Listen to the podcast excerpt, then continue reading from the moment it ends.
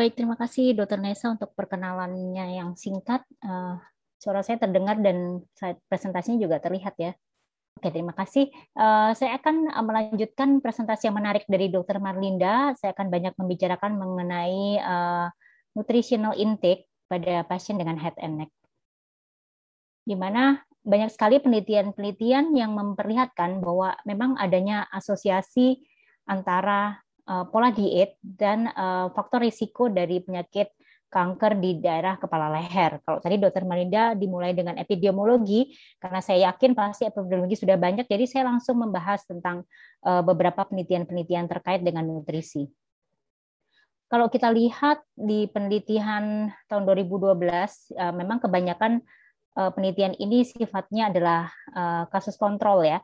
Jadi dengan konsumsi banyak serat ya dari sayur dan buah-buahan dan juga uh, protein yang uh, rendah lemak ya. Jadi uh, sumber lauk hewani ataupun nabat yang rendah lemak itu akan menurunkan resiko terjadinya kanker kepala leher.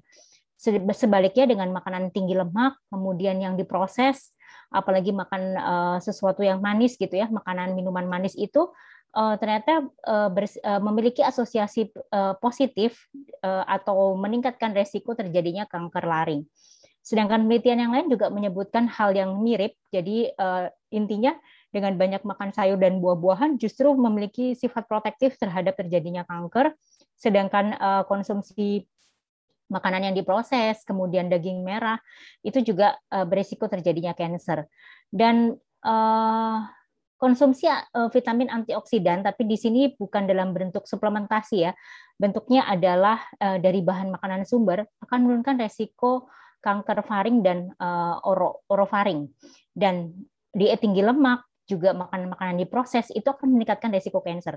Tapi sekali lagi kalau kita membahas tentang faktor risiko, kita tidak bisa menyebutkan bahwa faktor risiko itu disebabkan oleh satu hal. Karena faktor risiko itu juga dipengaruhi oleh berbagai hal yang lain, misalkan merokok atau lingkungannya terpapar uh, exposure tertentu yang meningkatkan risiko kanker, di samping juga makanan. Nah, kita tahu dalam uh, makanan kita sehari-hari itu ada kandungan karsinogen. Karsinogen di sini itu bisa sifatnya dia sebenarnya secara natural ada di dalam makanan gitu ya. Jadi sebetulnya makanan itu sehat, tapi karena proses pengolahannya yang kurang baik sehingga akan meningkatkan resiko terjadinya kanker karena terbentuknya bahan karsinogen. Nah, contohnya yang lain adalah bentuk uh, persiapan makanan misalkan uh, diolah dengan suhu tinggi di sini akan menyebabkan uh, timbulnya polisiklik aromatik hidrokarbon yang menyebabkan apa? Hal ini yang menyebabkan terjadinya bahan-bahan yang sifatnya precancer gitu ya. Yang dikatakan suhu tinggi itu misalkan adalah 68 eh 65 derajat Celcius atau lebih atau mungkin proses dengan uh, pengasapan ya, pengasapan yang sesungguhnya ya. Jadi dipakai suhu tinggi kemudian diasapkan di mana uh, apa namanya proses pengasapan tersebut menyebabkan ada perubahan rasa di dalam makanan tersebut. Nah, ini biasanya juga protein hewani yang diolah.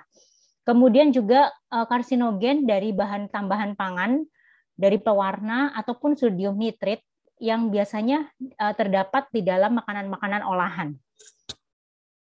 Nah, kemudian hmm, di sini disebutkan justru dengan uh, citrus maka apa buah yang mengandung citrus seperti apel, pears dan juga jeruk itu akan menurunkan resiko terjadinya kanker di daerah laring dan oral cavity. Jadi dikatakan bahwa sebetulnya makanan-makanan yang sifatnya natural, kemudian banyak mengandung serat dan banyak mengandung antioksidan alami itu sifatnya protektif. Sedangkan makanan yang diolah, yang di uh, pengolahan dengan suhu tinggi meskipun dia diolahnya di rumah bukan di pabrik, itu justru akan meningkatkan resiko kanker.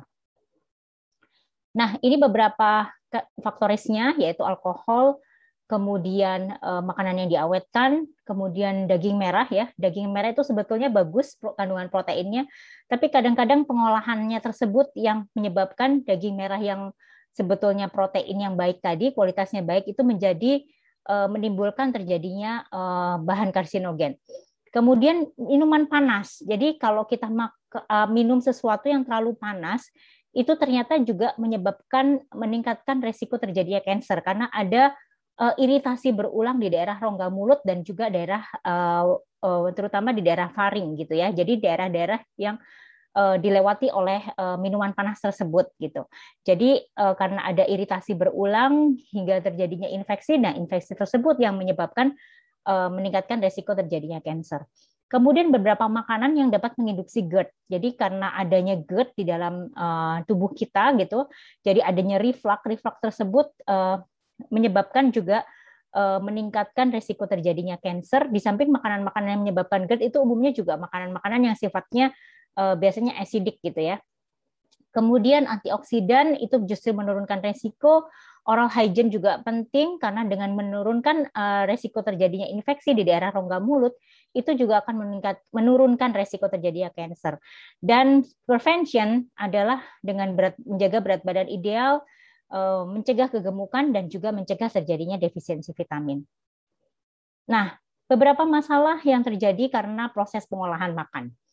Uh, yang dimaksud dengan uh, asupan makan, di mana resiko malnutrisi itu akan terjadi pada pasien-pasien uh, kanker kepala leher yang dilakukan terapi.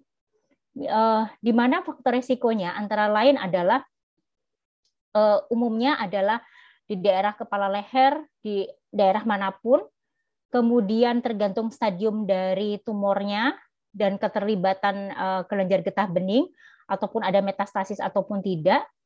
Kemudian eh, sebelum berat badan sebelum dilakukan terapi, eh, khususnya radioterapi di daerah kepala leher, di mana orang-orang yang gemuk itu umumnya tidak hanya gemuk sebetulnya, awalnya kurus pun juga akan beresiko terjadinya uh, weight loss. Kemudian adanya disfagia, bahkan disfagia ini terjadi sebelum dilakukan terapi radiasi. Kemudian uh, adanya efek samping di daerah mukosa, terutama mukosa daerah mulut, uh, faring ataupun laring, itu uh, akibat efek samping dari radiasi ini juga menyebabkan pasien jadi turun berat badannya. Kemudian juga dietary intake yang juga menurun selama proses radiasi dan ini sering sekali terjadi. Jadi awalnya pasiennya berat badannya baik, bagus, IMT-nya juga bagus, malah cenderung obes. Begitu dilakukan terapi radiasi, apalagi radiasi uh, paralel dengan kemoterapi, uh, mau nggak mau pasti berat badan. Kebanyakan pasien mengalami penurunan berat badan. Nah, ini disebutkan bahwa uh, ternyata di daerah PTV volume menjadi daerah sekitar yang dilakukan radiasi ini semakin luas daerah PTV volumenya. Jadi artinya daerah sekitar radiasinya itu semakin besar, maka kemungkinan terjadinya weight loss itu semakin tinggi, ya. Jadi ada likelihood uh, peningkatan risiko berat badan penurunan berat badan lebih dari 5%, 30% bahkan sampai 56,9%. Dan ini uh, sangat berbeda bermakna gitu ya.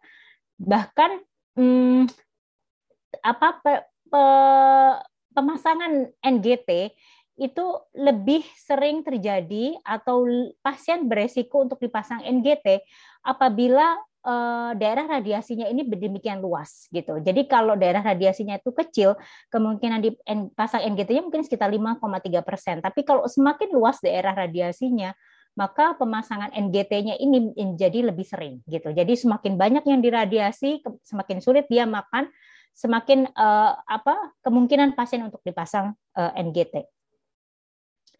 Nah, apa sih yang menyebabkan Eh, masalah-masalah yang terjadi selama terapi yang terkait dengan nutrisi. Misalkan adanya uh, apa uh, prosedur biopsi gitu ya di daerah tumor atau mungkin adanya uh, pembedahan untuk uh, meremove tumor, removal tumor dan tonsil sehingga menyebabkan uh, efek sampingnya pasien menjadi turun berat badannya. Kemudian radiasi, setiap hari radiasi dengan uh, dosis tertentu, biasanya radiasi itu kan serinya sekitar kalau kepala leher sekitar 30 sampai 35, ada yang sampai 37 di mana semakin dia sifatnya dosis dependent. Semakin sering melakukan radiasi, jadi semakin banyak dia radiasi, sudah masuk minggu kesekian, maka semakin banyak dosis yang diterima, efek sampingnya pun semakin berat. Demikian halnya apabila ditambah dengan kemoterapi. Jadi kemoterapi saja sudah menyebabkan pasien itu mual muntah, ditambah dengan efek samping radiasi yang juga berat, misalkan mulutnya kering, sulit menelan makanan, dan lain sebagainya. Sehingga terjadilah penurunan berat badan dan masalah-masalah nutrisi yang lain. Masalahnya apa saja sih? Eh, bisa juga eh, suaranya itu serak gitu ya, eh, Contohnya ini terjadi pada pasien uh, ya karena karena kankernya suaranya jadi serak, tapi juga bisa terjadi karena mulutnya kering, tenggorokan kering sehingga suaranya jadi serak. Pasiennya jadi sering mengeluh cepat kenyang, kemudian cepat lelah, uh, appetite-nya turun. Nausea vomiting ini sering sekali terjadi pada pasien-pasien yang dilakukan kemoterapi. Tapi uh, terapi di daerah kepala leher, kalau dia itu misalkan daerah terapinya itu sedemikian luas, kadang-kadang juga menyebabkan nausea. Kemudian mukus produksinya semakin banyak gitu ya, jadi dia karena sulit untuk menelan ludahnya lagi, ditambah juga mungkin karena pemasangan ketrakeostomi sehingga sering keluar cairan. Nah ini kadang-kadang menyulitkan pasien untuk makan gitu, karena dia merasa nggak nyaman mulutnya itu terus ngecas-ngecas terus gitu. Terus ada perubahan rasa, kemudian sulit menelan, mulutnya kering, terus ditambah dengan uh, penyulit-penyulit yang lain seperti mukositis dan serostomia. Nah, setelah pasien itu selesai radiasi atau kemo kemoradiasi, kadang-kadang masalahnya tidak selesai di situ. Penurunan selera makan dan food intake-nya itu tetap turun gitu. Bahkan ini bisa terjadi sekian bulan setelah terapi selesai. Makanya jangan heran kalau misalkan pasien itu sudah selesai seri radiasi dan kemoterapinya, misalkan sudah selesai radiasi ke-33, kemonya sudah selesai enam kali, tapi kok berat badannya masih turun? Karena memang selera makannya juga masih turun. Nah ini disebabkan karena adverse event dari radiasi dan kemoterapi tersebut masih terus berlangsung. ya. Jadi kadang-kadang eh, kami Eh, mendedukasi pasien untuk tetap memasang NGT-nya. Jangan cepat-cepat dilepas NGT-nya karena kalau dia tiba-tiba switch ke oral, belum tentu dia bisa makan sebanyak pada saat dia masih pasang NGT. Kemudian juga led efek dari radiasi yang mungkin bisa terjadi gitu ya, misalkan terjadinya fibrosis, ini tidak bisa dipungkiri ya, kadang-kadang bisa terjadi pada pasien atau struktur atau mungkin kronik disfagia.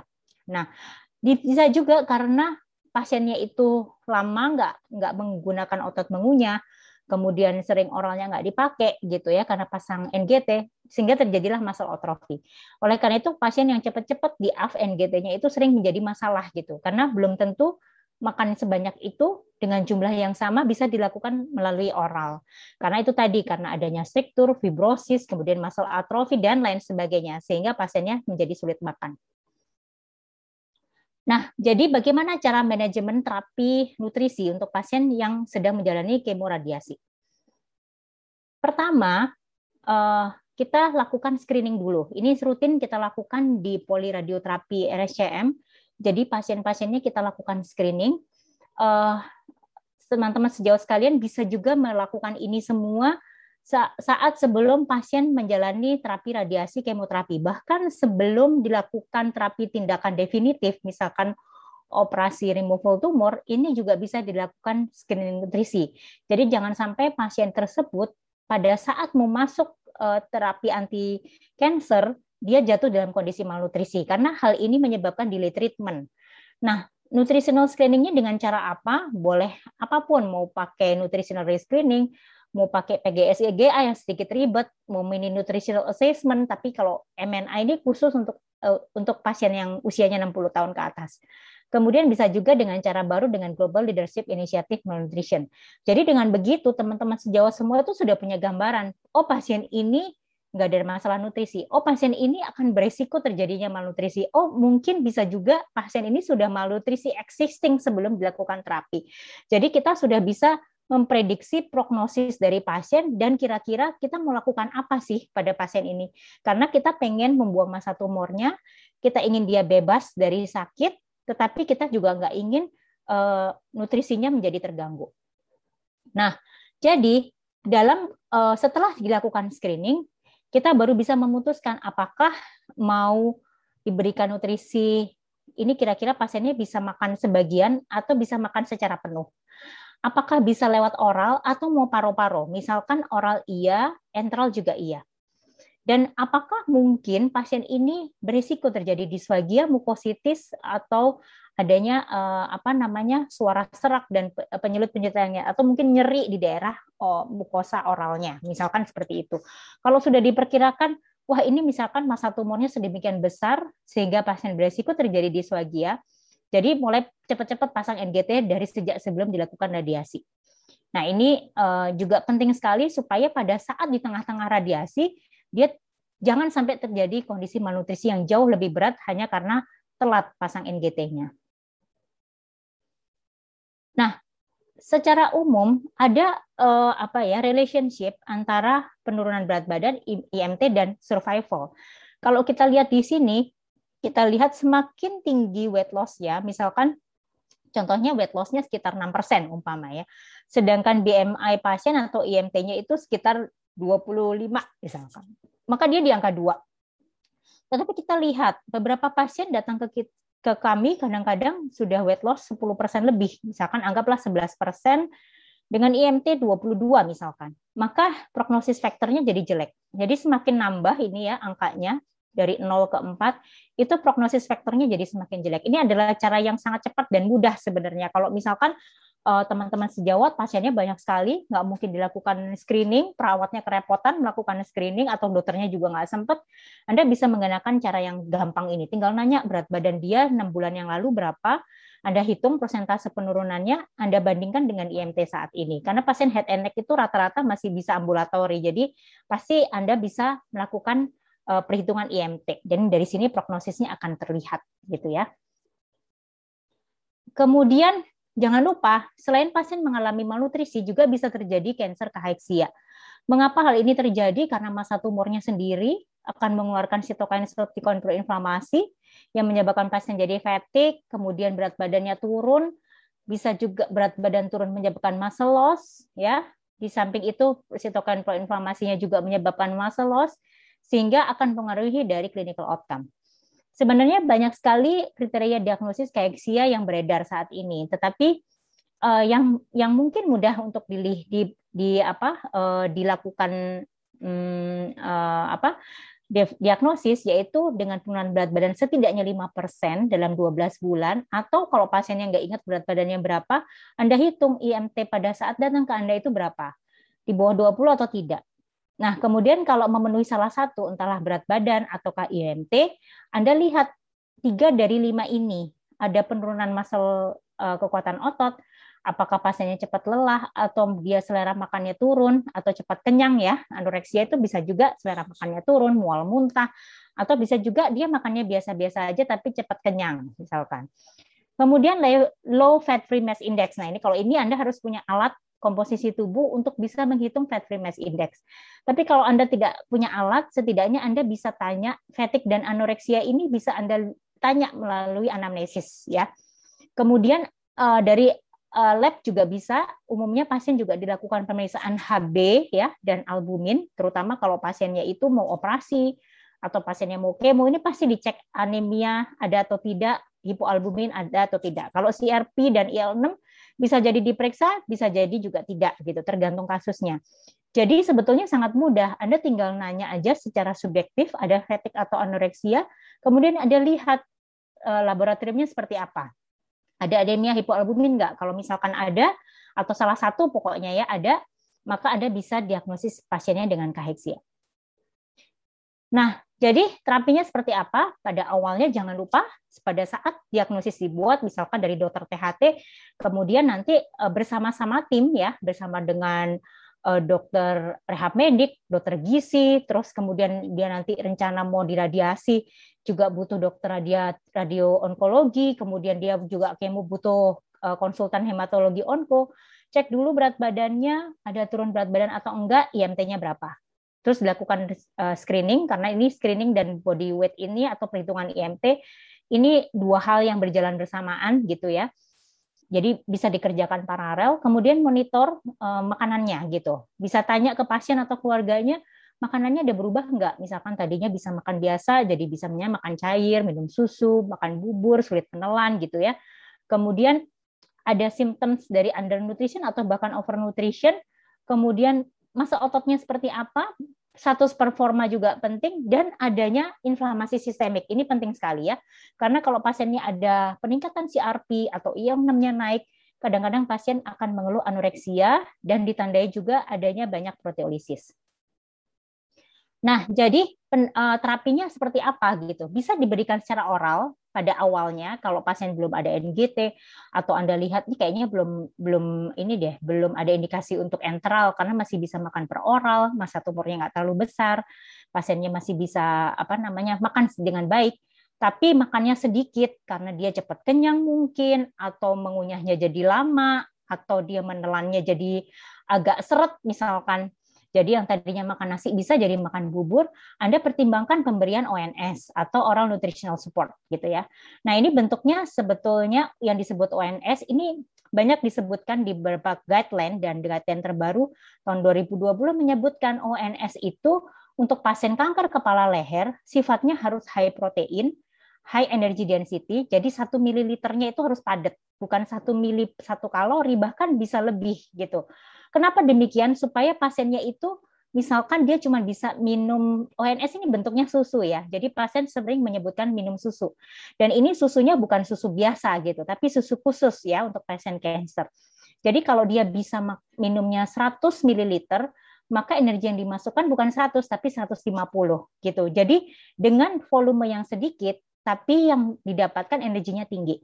Dan diharapkan uh, dari guideline menyebutkan ini guideline yang menyebutkan ya bukan saya ya. Jadi uh, apa namanya banyak expert menyebutkan bahwa dengan pemberian ONS yang ada omega 3 dan asam amino rantai cabangnya khususnya leusin itu akan memperbaiki outcome dari pasien gitu. Dan kalau pasiennya masih bisa makan per oral, nggak usah restriksi makanan.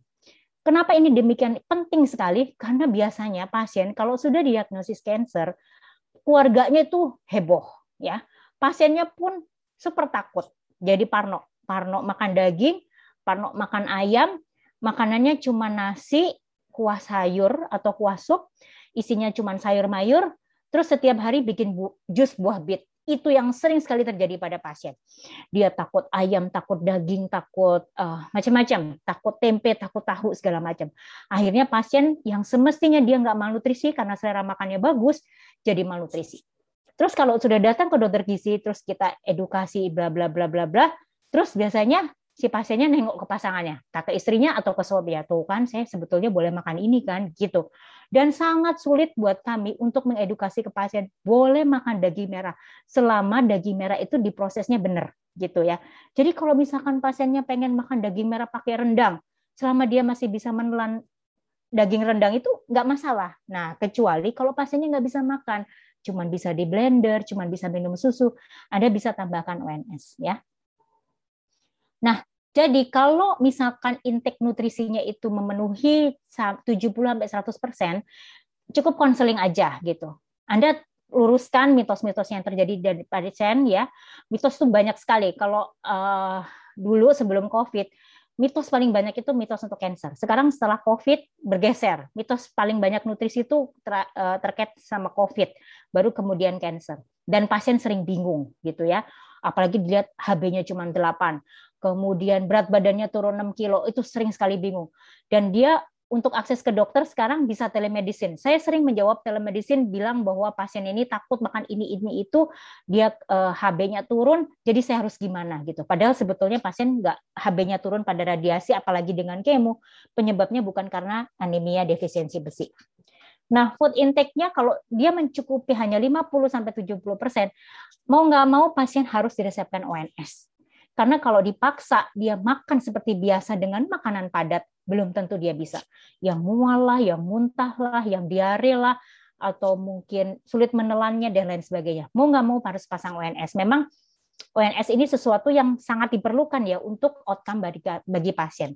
Tapi kalau ternyata dicoba ONS masih turun, uh, asupannya nggak bagus, mau nggak mau harus pasang NGT, harus lewat entral, entah pakai NGT, OGT, atau PEG. Pokoknya jalan masuk enteral.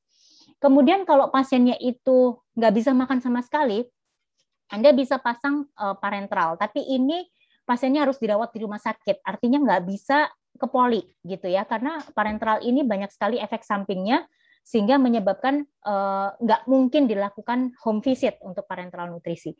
Terus nggak boleh restriksi makanan. Ini penting sekali karena pada saat terapi radiasi, kemoterapi, pasca operasi itu kondisinya berat. Jangan sekali-sekali merestriksi makanan untuk pasien ya. Restriksi makanan itu hanya untuk pasien prevensi ya.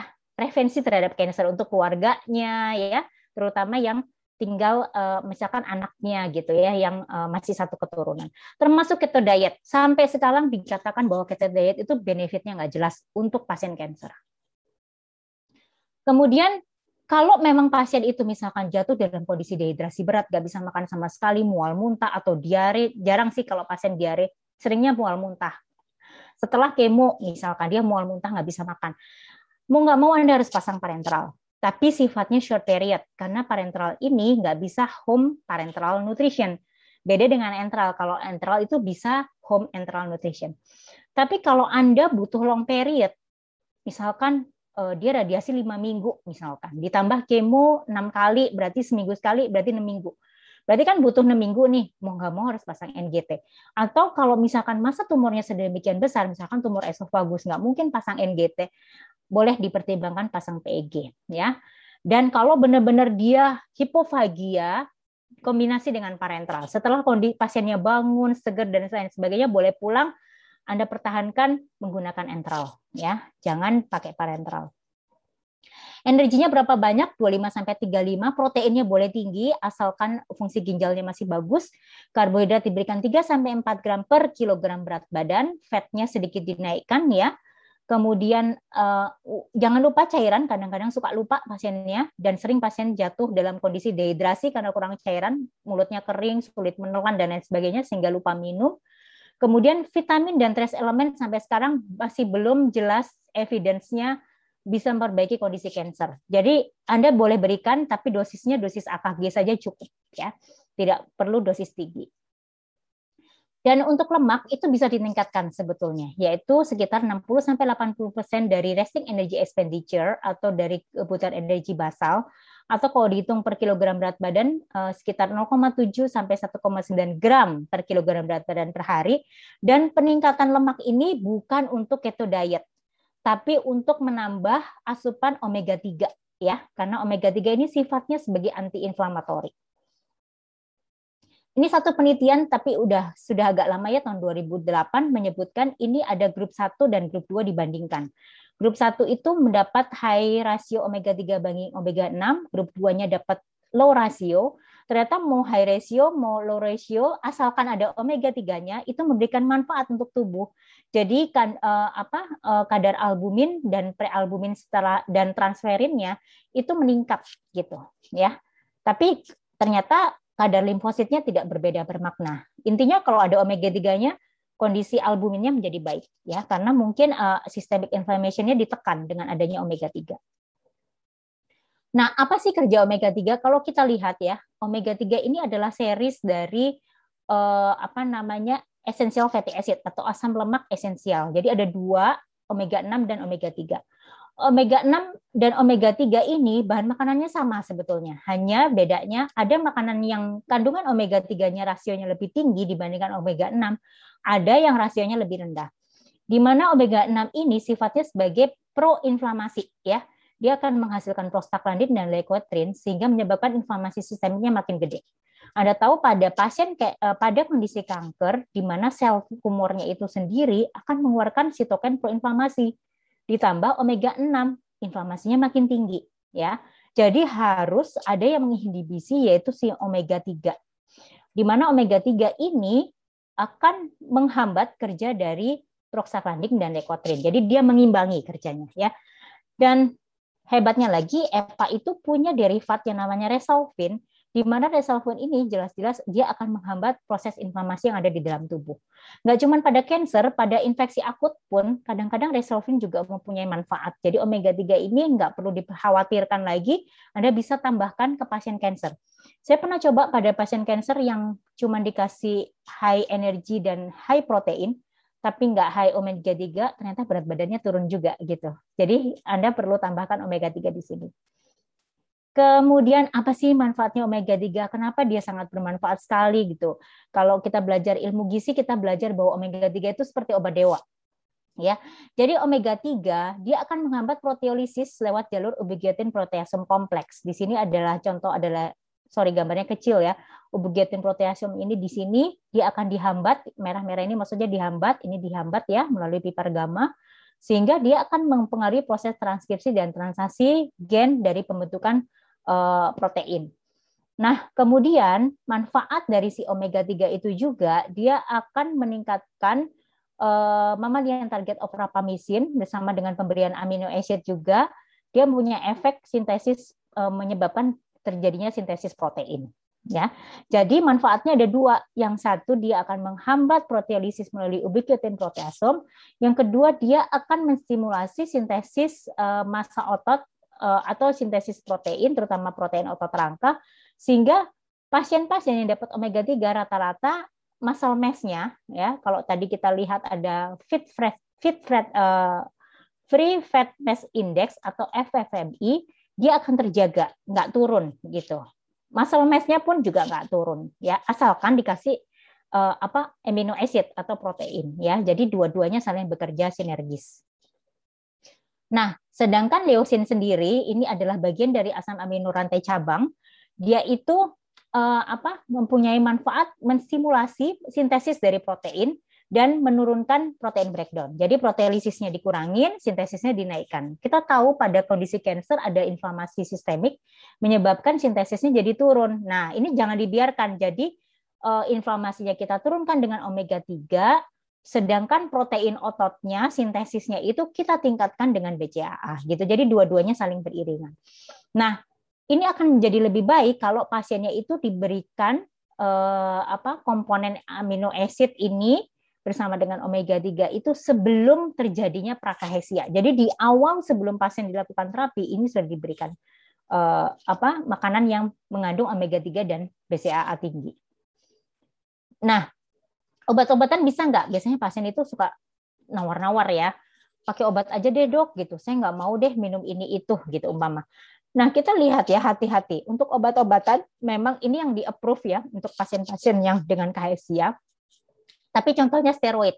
Steroid itu betul bisa meningkatkan selera makan, tapi karena efek sampingnya sangat besar, jadi hanya diberikan short period. Sedangkan progestin itu efek sampingnya sangat banyak sekali. Jadi Anda harus memulai dengan dosis kecil. Karena harganya mahal, saya sarankan mendingan minum ONS, perbaiki dietnya, pasang NGT daripada memberikan progestin. Karena progestin ini udahlah efek sampingnya banyak, terus harganya pun juga mahal. Prokinetik boleh diberikan umpa, uh, pada pasien-pasien misalkan yang hanya dengan radiasi saja tanpa kemoterapi. Tapi kalau dengan kemoterapi mungkin Anda bisa berikan jenis prokinetik yang lain yang yang lebih poten daripada metoclopramid atau domperidon. Nah, ini sifatnya untuk menurunkan mual dan muntahnya supaya pasien juga mau makan.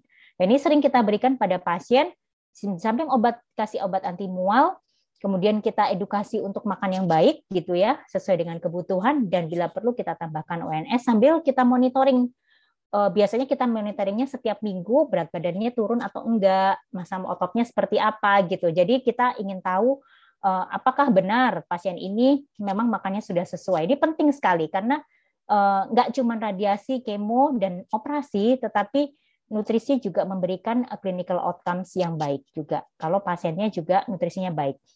Nah, jangan lupa sebelum surgery bisa dilakukan protokol IRAS di sini Enhanced Recovery After Surgery ini digunakan untuk pasien-pasien bermanfaat sekali karena pada prosedur ini harus dilakukan nutritional screening dulu gitu sebelum dilakukan operasi jadi supaya pasien nggak jatuh dalam kondisi malnutrisi setelah tindakan operasi. Kemudian berikan parenteral nutrisi kalau pasiennya hipofagi atau afagia dan bisa diberikan ONS kalau memang uh, apa makannya itu sangat sedikit. Sedangkan pada cancer survivor ini sedikit berbeda. Jadi kalau sudah selesai terapi radiasi, selesai kemo gitu ya, pasiennya dijaga supaya berat badannya dalam kondisi normal. IMT-nya sekitar 18,5 sampai 24,9. Jangan lebih dari itu, karena obesitas itu juga akan meningkatkan risiko terjadinya cancer. Gak jarang pasien bisa residif ya, jadi salah satunya kita jaga dengan menjaga berat badan normal.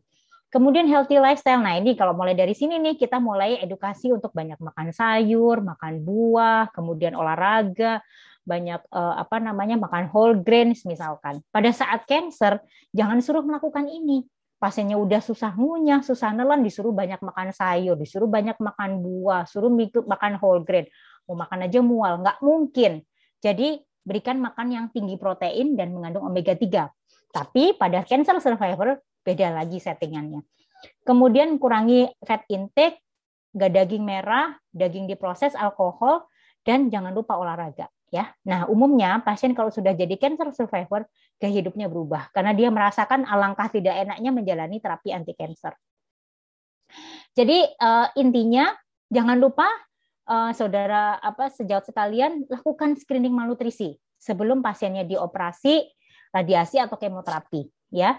Kemudian uh, kalau pasiennya beresiko malnutrisi atau mungkin sudah terjadi kaheksia atau beresiko kaheksia, sebelum jatuh dalam kondisi yang lebih buruk, lakukan terapi nutrisi yang baik gitu. Bila perlu uh, tambahkan ONS supaya uh, clinical outcome-nya menjadi lebih baik. Kemudian farmakoterapi bisa Anda berikan, tapi indikasinya harus jelas. Jadi jangan semua pasien tiba-tiba Anda kasih steroid, Anda kasih progestin, hati-hati ya, karena efek sampingnya sangat tinggi. Kemudian untuk healthy lifestyle dan normal BMI, itu tetap harus dijaga untuk prevensi pada cancer dan untuk cancer survivor. Jadi Anda harus bedakan mana terapi untuk prevensi, mana terapi untuk dalam kondisi uh, terapi anti cancer lagi kemo atau radiasi, dan mana terapi untuk cancer survivor. Baik, terima kasih. Demikian dari saya. Mudah-mudahan bermanfaat untuk setiap sekali.